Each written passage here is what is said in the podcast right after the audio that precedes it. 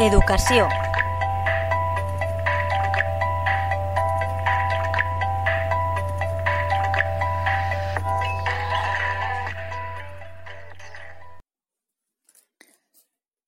Feliz semana amigos de la Tegua Radio. Mi sección de hoy mmm, se va a llamar Día 8 de marzo, Día Internacional de la Mujer.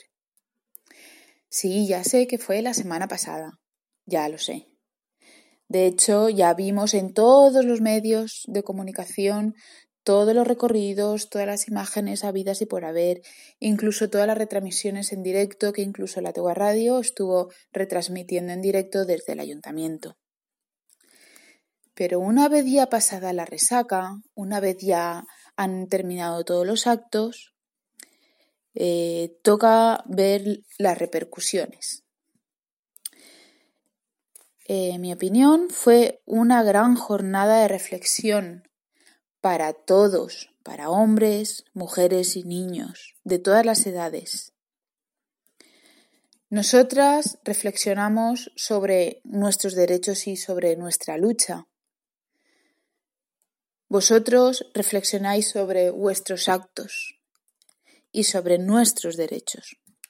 Fue una jornada de fiesta, de fiesta pro derechos humanos. Pero mm, vamos a centrarnos un poquito en el sector de la educación y vamos a ver los datos de seguimiento. En este caso he cogido los datos de comisiones obreras, que son los que se han dado más claros, sin menos bailes de cifras. Y Comisiones Obreras nos dice que el seguimiento en la universidad ha sido del 80%. El seguimiento en institutos de secundaria y FP ha sido del 61%. Y el seguimiento en los centros de educación de infantil y primaria ha sido del 42%. A su vez, el sindicato de estudiantes nos dice que el paro ha sido casi total en las universidades y muy elevado en los institutos de educación y de, de educación secundaria y FP.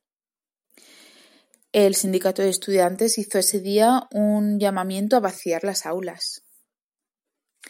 Bueno, bien, tras estos datos, las reflexiones.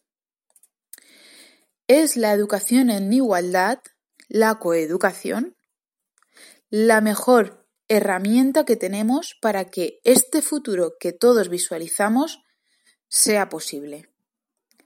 Está claro que hoy por hoy necesitamos una justicia que sea igualitaria, que no sea discriminatoria, necesitamos una administración que se involucre en esta lucha contra la violencia. Pero si hoy plantamos la semilla en los más pequeños, mañana no estaremos hablando de todos estos aspectos que ahora nos ahogan. La violencia de género, la física, nos mata rápidamente, pero los micromachismos lo hacen sin que nos demos cuenta. El vocabulario, la televisión, la música, Internet, las modas, incluso la familia. Aprender a distinguirlos es vital para nuestras niñas. Ojo, que hay cientos. Por ejemplo, ¿cuántas mujeres se manifestaron en toda España? ¿Cuántas? Incontable, es un número incontable. Pero sin violencia, todas en la calle, no se ha registrado ningún, eh, ninguna incidencia violenta y eso que estamos luchando por nuestra vida, para que no nos maten. Estamos luchando por nuestros derechos, cobramos menos que muchos hombres haciendo el mismo trabajo. Estamos luchando, bueno, no voy a enumerar todos estos aspectos porque los hemos oído muchas veces esta semana. ¿Cuántas personas o cuántos hombres mmm, se manifiestan cuando se gana una Champions League o cuando se gana una Copa de Europa o cuando simplemente hay un partido de unos contra otros. Hay escaparates rotos, vehículos incendiados, peleas de gente detenida. Eso ya empieza a decir algo. Todos hemos visto los muñequitos de, los semáforos, ¿eh? pero a que nadie se había dado cuenta o había, se había percatado ya de por sí eh, de esa discriminación. Mujeres con falda, hombres con pantalones.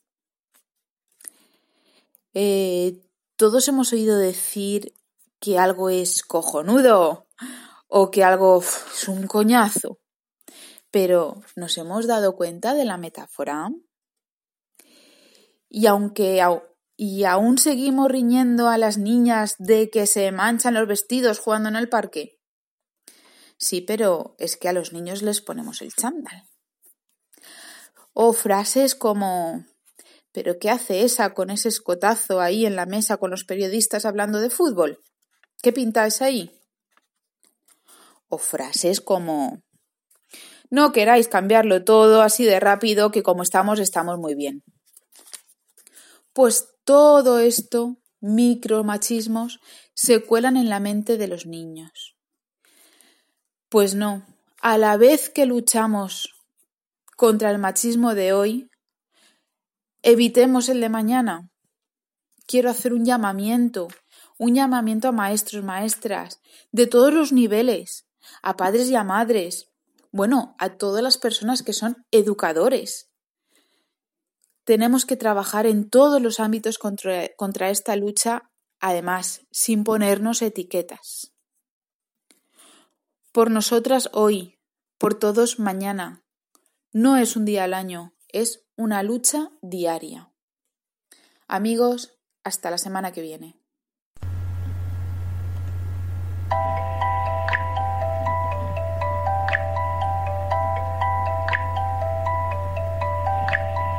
Educació